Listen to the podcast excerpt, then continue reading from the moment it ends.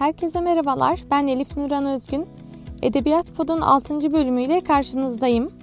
Geçtiğimiz iki bölümde de otobiyografi temasını işledikten sonra artık konuyu değiştirmeye karar verdim. Bugün sizlere Norveç edebiyatından iki eserden bahsedeceğim.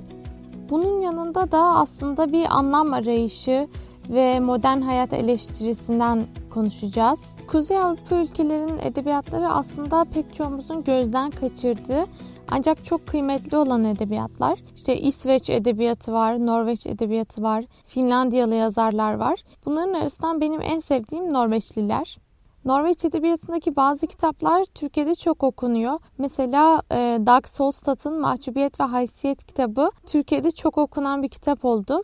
Hatta Goodreads'te baktığımız zaman Mahcubiyet ve Haysiyet kitabına yapılan Norveççe yorumlar çok az. İngilizce yorumlar da çok değil. En çok Türkçe dilinde yorum yapılmış. Gerçekten de Türkiye'de büyük bir ilgi gördü bu kitap. Bunun yanında bugün bizim podcast'te bahsedeceğimiz Doppler isimli kitap da Türkiye'de çok ilgi gören kitaplardan biri. Norveç edebiyatındaki bu kitapların neden Türkiye'de bu kadar yankı bulduğu ayrı bir mevzu. Fakat ben şimdi bu konuyu değil, genel olarak Norveç edebiyatından ve Norveç ülkesinden bahsetmek istiyorum. Pek çoğumuzun muhtemelen bildiği üzere Norveç İskandinav Yarımadası'nın batısında yer alan bir ülke. 8. 11. yüzyıl civarında Vikingler orada hüküm sürmüş. Ardından değişik e, iktidar savaşları yaşanmış. En sonunda da 1905 yılında Norveç İsveç'ten ayrılarak bağımsızlığını ilan etmiş. Şimdi Norveç deyince tabii Türkiye'de süre gelen bir anlatı var. Ee, özellikle sosyal medyada her gün kendini üreten, tekrar tekrar konuşulan bir konu bu. İşte Norveç'e gideceğim, Norveç'teki çöpçülerin maaşı ya da Norveç'te bir tır şoförü olmak, Norveç'te kasiyer olmak. İşte Norveç'te her şeyin harika olması, Norveç'te mükemmel bir hayat yaşanıyor olması bu temaları özellikle Twitter kullanıyorsanız sürekli görüyorsunuzdur. Norveç bizim için gerçekten tabiri caizse bir Neverland gibi algılanıyor. Yani dünyada olabilecek en mükemmel yer gibi algılanıyor. Aslında pek azımız Norveç'i ziyaret etme şansı buluyor. Çünkü haliyle çok pahalı bir ülke ve bu kadar pahalı olduğu için Türkiye'den çıkan bir gezginin Norveç'e gitmesi biraz lüks kalıyor. Peki bu söylenenler haklı mı yoksa haksız mı? Tabii farklı görüşler olabilir fakat halkın refah seviyesinin çok yüksek olduğu doğru. Gerçekten de Norveç'te az sayıda insan yaşıyor ve insanların neredeyse tamamı iyi durumdalar maddi olarak. 5.3 milyonluk bir nüfusu var bu ülkenin. Fakat ne kadar iyi bir ülkede yaşarsanız yaşayın insanın sorunları bitmiyor. Çünkü insanlar gerçekten problemleri, sorunları sırtında taşıyan bir kaplumbağa gibiler. Nereye gidersek gidelim kendimizle birlikte olduğumuz sürece problemler bize doğru geliyor. Maslow'un ihtiyaçlar sıralamasını bilirsiniz. Tekrar söylemeye gerek yok ama basitçe şunu anlatabilirim. Yani daha fakir bir ülkede yaşıyorsanız muhtemelen siz öncelikle güvenliğiniz ve yemeğiniz için e, endişelenirsiniz. Ardından bunları geçmişseniz sosyal ilişkileriniz ve kariyeriniz için endişelenirsiniz. Daha da yukarı çıktıysanız yani maddi olarak her şeyi karşıladıysanız ve ilişkileriniz iyi ise bundan sonra da kendinizi gerçekleştirme konusunda kaygılarınız başlar. Norveç tabii ki bizi şaşırtmıyor ve bu hiyerarşinin en üst tarafına yerleşiyor. Norveç'teki en büyük problem gitgide azalan ve yaşanan nüfus ve bunun yanında tabii ki insanların bir takım e, varoluşsal problemleri de baş gösteriyor. Zaten bu Kuzey Avrupa Edebiyatı'nın genel bir özelliği aslında. Kuzey Avrupa Edebiyatı merkez e, edebiyattan yani işte Merkez Avrupa Edebiyatı'ndan farklı olarak işte bu yeni dünyaya, insanın yeni var olma biçimlerine, karmaşayla, çatışmayla, koşturmayla dolu çağımıza daha sakin bir bakış getiriyor. Ondan bir kaçış yolu açıyor bizlere. Belki de bu yüzden de çok ilgi duyuyoruz. Kuzey Avrupa Edebiyatı gerçekten Avrupa'da da çok okunuyor. Bizler yani Türkiye'de yaşayan insanlar olarak da sürekli sabah erken kalk, ofise git, akşam dön, yaşamaya çalış gibi bir rutindeyiz. Fakat bunların hepsinin ortasında bir kaçış edebiyatı olarak Kuzey Avrupa edebiyatları bizim yardımımıza yetişiyor. Burada biraz özelden genele bir yol izleyelim. Dediğim gibi Kuzey Avrupa Edebiyatı'ndaki bu kaçış teması ve insanın işte günlük karmaşalardan uzaklaşma meselesi esasında edebiyatın genelinde de çok tutan bir tema. Misal şöyle bir cümle kurayım. Şehir yaşamından ve onu sarıp sarmalayan ilişkiler ağından bunalan kahramanımız kendisini ve hayattan beklentilerini sorgulamaya girişir. Anlam arayışının ya da varoluş sıkıntısının neden olduğu bu sorgulama neticesinde nihayet bir gün her şeyi ardında bırakır ve doğada inzivaya çekilerek özgürlüğüne kavuşur. Bu okuduğum cümleyi ben direkt olarak Norveç Edebiyatı ile ilgili yazılmış bir yazıdan aldım internetten. Aslında gerçekten bu cümle birçok kitabın özeti halinde olabilir. Yani Fransa'da yazılmış bir kitaptan tutun da Norveç yazılmış hatta bazı noktalarda Türkiye'de yazılmış kitaplara kadar bu cümlelerle birçok kitabı özetleyebiliriz. Peki bu temanın tarihsel e, kökenleri nereye dayanıyor? Edebiyatta doğaya dönüş fikrinin İlk işlendiği yer Jean-Jacques Rousseau'nun Toplum Sözleşmesi yani 1762 yılı. Jean-Jacques Rousseau bu eserinde şöyle düşünüyor. İnsanların toplum düzenine geçmeden önce yaşadıkları durumu doğal durum olarak niteliyor ve aslında bu doğal durumun bize ait olan düzen olduğunu savunuyor. İş bölümü ve özel mülkiyet ortaya çıktığında ise bu durumun gitgide bozulduğunu, insanların kendi kendilerine kurallar koyduklarını ve yapay bir düzen yaratıp bunun içinde uyum sağlamaya çalıştıklarını söylüyor. Yani Rousseau'ya göre medeniyet insanı özünden uzaklaştırıyor. Özüne dönmek isteyen insansa doğaya dönmeli. Rousseau'nun mesajı esasında bu kadar basit özünde. Bunun üzerine özellikle romantizm akımı etkisi altında yazılmış romanların birçoğu doğaya dönüş temasını işliyorlar.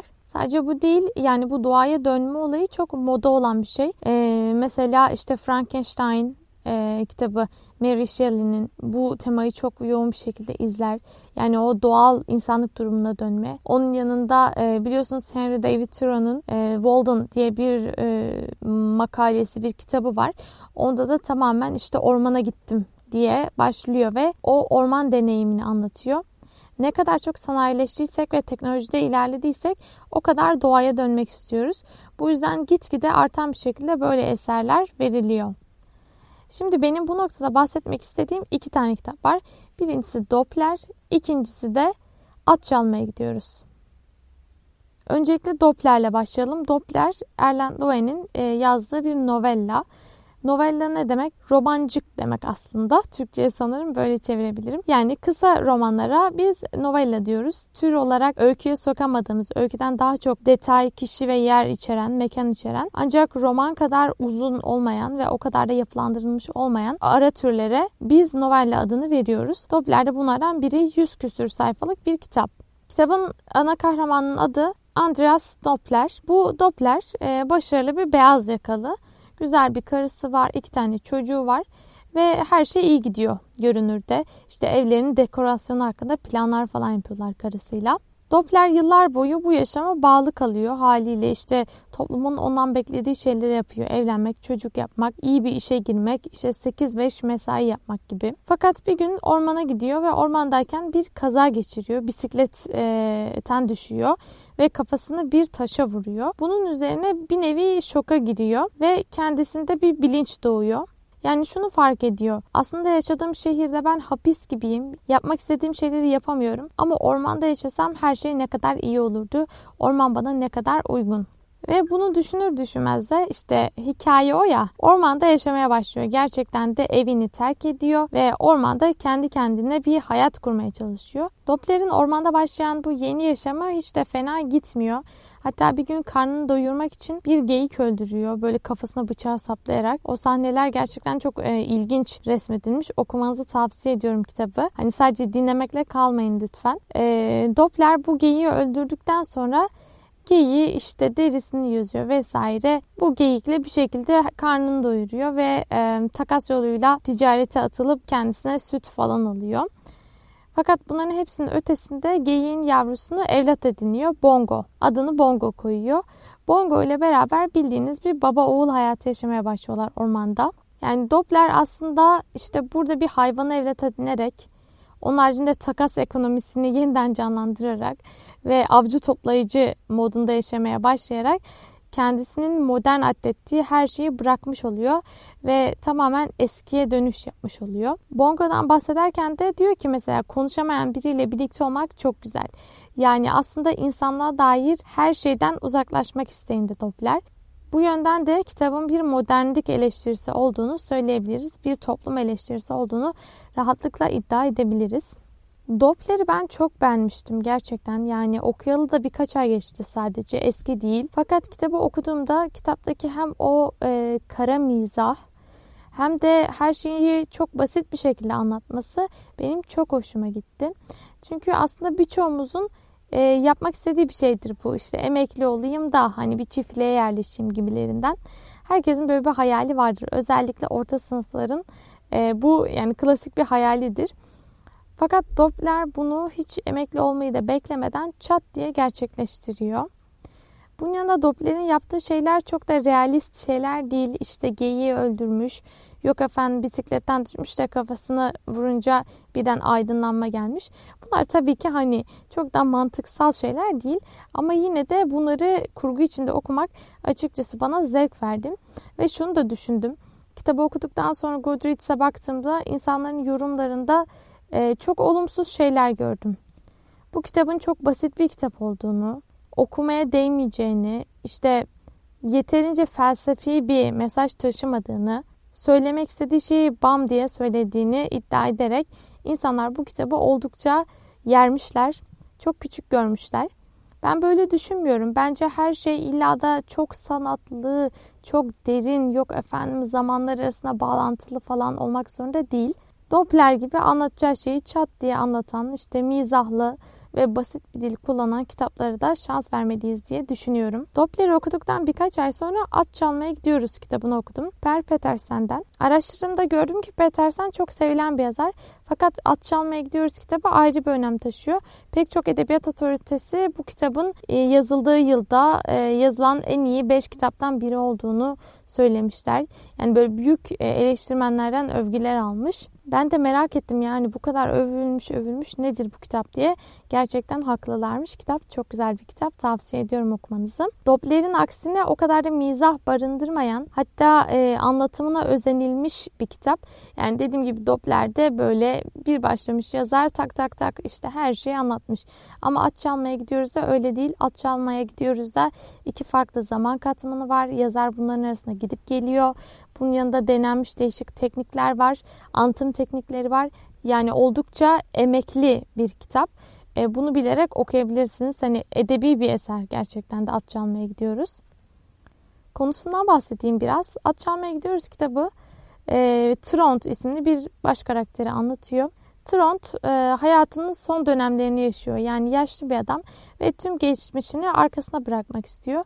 Bu amaçla da Norveç'in ormanlarına gidiyor ve oraya yerleşiyor. Ormanda bir köye yerleşiyor İsveç sınırına yakın bir yere ve orada kendisine yeni bir hayat kuruyor. Bir köpek ediniyor. Bu köpekle beraber işte ağaçları kesiyorlar, onlardan odun yapıyorlar, kendi kendilerine geyik eti pişiriyorlar. Bu tarz e, normal bir doğa yaşamı moduna giriyorlar. Görüyorsunuz Doppler'le benzerlikler var işte hayvanla dostluk kurmak olsun. Ondan sonra ormanda işte geyik eti yemek olsun. İkisi de gerçekten bir doğaya dönüş hikayesi. İkisi de ormana giden erkek karakterleri anlatıyor. Bu da değişik bir e, ortak yön. Evet Trond Norveç ormanlarına yerleşiyor. Fakat Trond'un kafasının içinde kendisiyle taşıdığı büyük sorunları ve hesaplaşmaları var. Trond'un çocukluğundan kalan bir mesele bu. Tabi detaylarını anlatmayacağım çünkü kurguyu da çok açık etmek istemiyorum. Fakat Trond babasıyla e, İsveç-Norveç sınırındaki bir köyde bir yaz geçiriyor. Ve bu yaz sırasında yakın bir arkadaşıyla ilgili çok e, akılda kalıcı olaylar yaşıyor. Bunun yanında babasına hayranlık besliyor fakat babasının da çözemediği bazı davranışları var. Bunlara da anlam veremiyor o küçük yaşındayken fakat ileride bunlar da ortaya çıkacak. Mesela şimdi bir cümle okumak istiyorum kitaptan. Bu yerle ilgili planım çok basit. Yaşadığım en son yer olacak. Bunun ne kadar süreceği üzerine kafa yormadım. Burada günübirlik yaşıyorum. Şimdi burada benim ilgimi en çok çeken şey günübirlik yaşamak ve planım çok basit demesim. Eğer siz de benim gibi böyle işte verimlilik meselelerine çok kafayı takmışsanız sürekli to do listler hazırlıyorsunuzdur. İşte sürekli haftalık plan, aylık plan, yok efendim 3 yıl sonra, 5 yıl sonra, 10 yıl sonra kendimi nerede görüyorum. Bu tarz şeylere takılıyorsunuzdur. Aslında bunları takılmamak günümüzde çok da mümkün değil. Çünkü hayatımızın bir noktasında muhakkak buna zorlanıyoruz. Yani hepimiz bir kariyer planı yapıyoruz e, hayatta kalabilmek için ve iyi şeyler yapabilmek için ve bunu takip etmeye çalışıyoruz. Tabii bir planı takip etmek için de çeşitli küçük planlara ihtiyaç duyuyoruz. Bu Norveçlilerin hayatında da tabii ki çok aktif bir şekilde Bu Norveçlerin hayatında da kendini gösteriyor. Trond da böyle bir hayattan sonra emekli olmuş 70'li yaşlarında ve e, diyor ki yani ben günübirlik yaşayacağım. Ne kadar sürecek bilmiyorum. Planım da yok. Yani çok basit bir planım var. Burada yaşayacağım ve burası yaşadığım son yer olacak. Yani bu basitlik seviyesine ilerlemek ve e, ormana gitmek bu yüzden çok çekici geliyor hepimize. Çünkü hepimiz yaşadığımız süre boyunca üzerimizdeki bu yüklerden sıkılmış oluyoruz. Trump'la ilgili ama söylemek istediğim şey şu. Kitabın sonlarına doğru kızı Trond'u ziyarete geliyor ve diyor ki seni bulmak için çevredeki tüm köylere haber saldım. Yani 80 mil genişliğindeki bir yerdeki tüm muhtarların numaralarını buldum ve hepsiyle tek tek telefonda konuşup seni sordum. Çünkü Trond yaşadığı evi terk edip ormana yerleşirken kızları da dahil olmak üzere hiç kimseye nereye gittiğini söylemiyor, ne yapacağını söylemiyor, planını anlatmıyor. Belki bu plan olmadığı içindir. Fakat bunu hani böyle çok kasti ve hadi kaçayım beni bulamasınlar gibi bir kafayla da yapmıyor anlattığına göre. Sadece hani söylemek istemiyor, aklına gelmiyor. Yani çıkıyor ve gidiyor ormana. Bu kadar basit anlatıyor bu olayı. Yaşadığı eve bir telefon da bağlatmıyor. Yani tamamen dünyadan kopuk bir hayat yaşıyor. Dışarıdan kopuk bir hayat yaşıyor. Şimdi bu iki kitapta ortak olan çok nokta var. Zaten bunu e, gördük diye düşünüyorum. İşte karakterlerin ikisinde erkek olması, yaşlarının biraz büyük yaş olması. E, Doppler tabii ki çok yaşlı değildi ama o da orta yaşın biraz üstüne çıkmıştı. Yani çoluğa çocuğa karışmış bir insandı. Bunlar ortak yönler. Bunun yanında tabii ki ormana gitmeleri çok büyük bir ortak yön ve küçük planlar yapmaları, uzun süreli plan yapmaktan sıkılmış olmaları, modern hayattan kaçmış olmaları, bir hayvan edinmiş olmaları hepsi çok benzeyen yönler. Ben şunu konuşmak istiyorum bu noktada. Şimdi biz e, bir şeylerden kaçıyoruz. Evet. Günlük hayatın yoğunluğundan kaçıyoruz. İnsanların mobbinginden kaçıyoruz. Yargılayıcı bakışlardan kaçıyoruz. Tacizlerden kaçıyoruz. Ekonomik sıkıntılardan kaçıyoruz. Kötü giden ilişkilerden kaçıyoruz. Baskıcı ailelerden kaçıyoruz. Herkesin kaçtığı bir şeyler var. Bu kaçışımızın sonunda ulaşmak istediğimiz yer neresi? Buna herkes farklı cevaplar veriyor. Mesela ekonomik sıkıntılardan kaçan kişi belki diyecek ki ben işte hani lüks bir villaya taşınıp işi gücü bırakıp orada yatmak, güneşlenmek istiyorum. Belki başka bir insan diyecek ki ben ormana gitmek ve çok sade bir hayat sürmek istiyorum. Köye gitmek istiyorum, toprağı ekmek istiyorum, ahşap evde yaşamak istiyorum. Veya hepsinden de daha basiti eve gidip uyumak istiyorum, uyanmamak istiyorum. Cevaplarımız artabilir. Böyle kocaman bir liste oluşturabiliriz nereye kaçtığımıza dair. Peki kaçmak mümkün mü? İşte bu noktayı hiçbirimiz düşünmüyoruz. Ben de dahil. Hepimiz bir şeylerden korkuyoruz, kaçıyoruz veya gidecek bir yer öyle de böyle belirliyoruz. Fakat kaçmanın mümkün olamayacağı ihtimalini hiç aklımıza getirmiyoruz. Yani tamam kaçıyoruz ama kendimizden kaçıyoruz. Nereye kaçıyoruz? Yine kendimize kaçıyoruz. Yani beynimizi ve ruhumuzu kendimizle taşıdığımız sürece podcast'ın başında dediğim gibi bir kaplumbağa misali o dertlerimiz bizi takip edecek. Trond örneğinde de gördüğümüz gibi çok uzaklara gidiyor fakat sürekli olarak babasıyla yaşadığı anıları düşünüyor. Sürekli olarak oraya böyle flashbacklerle geri dönüyor. Çünkü aslında problem Trond'un yaşadığı şehir değil. Problem Trond'un sabah 7'de kalkması ve işe gitmesi de değil. Aslında problem gerçekten Trond'un kendi içinde bir anlam araması ve kendiyle çözemediği sorunlar olması. Bu noktada gerçekten her şey insanın kendine dönüyor. Yani tüm oklar kendimizi gösteriyor. Kaçmaya çalışıyoruz, genelde kaçamıyoruz. Kaçtığımızı sanıyoruz. Fakat yine kendimize dönüyoruz. Kuyruğunu kovalayan bir köpek gibiyiz. Bu yüzden de bence en önemli şey gerçekten oturup kendi içimize bakmak. Bu kitapları seçerken tabii ki beni en çok düşündüren şey karantina süreci oldu. Tüm dünyada yaklaşık 3-4 ay boyunca karantina yaşadık. Çok ağır bir karantina hatırlıyorsunuz. İşletmeler kapalıydı. Zaten okullar, iş yerleri hepsi online'a geçmişti. Bu karantina sürecinde benim de düşünmek için çok zamanım oldu evde. Normalde çok yoğun bir hayat yaşıyorum ama karantinada mecburen evdeydim. Ve şunu düşündüm yani bu karantina ve koronavirüs bizi evlerimize döndürdü. Yani o kaçıp durduğumuz iş yerlerinden, okullardan bizi uzaklaştırdı. Gerçekten kendi deliğimize gelebildik. Fakat bizi gerçekten kalbimize döndürebildi mi? Gerçekten o huzuru bulabildik mi? İşte şu iş bitse de şunları yapsam dediğimiz işleri yapabildik mi? Benim açımdan cevap hayır. Huzur bulamadım arkadaşlar. Çünkü gerçekten mesele eve dönmek değilmiş. Mesele bu noktada, mesele bu noktada kalbime dönmekmiş ve kendi kalbimi temizlemek. Kendimle olan hesaplaşmam bitmediği sürece nereye gidersem gideyim bu kafamı asla kendimden ayırıp bırakamıyormuş. Kendimle hesaplaşmam bitmediği sürece asla ve asla derdime çare bulamıyormuşum. Bunu da öğrenmiş oldum. Beni dinlediğiniz için çok teşekkür ederim. Edebiyat Pod 6. bölümüne geldiği için de çok mutluyum. Bugüne kadar birçok konu konuşmuş olduk. Bakalım 10. bölüme doğru heyecanla ilerliyorum. Sanki böyle 5 sayısını geçince bir level atlamış gibi hissettim. Umarım öyle olmuştur. Umarım bu podcast'i birinci bölümünden itibaren dinleyen insanlar vardır. Podcast'lerle ilgili olumlu ve olumsuz görüşlerinizi tabii ki sosyal medya üzerinden bildirebilirsiniz. Dinlediğiniz için tekrar teşekkür ediyorum. Hepinize iyi, güzel, edebiyatla, kitapla ve iç dünyamızla dop dolu günler diliyorum.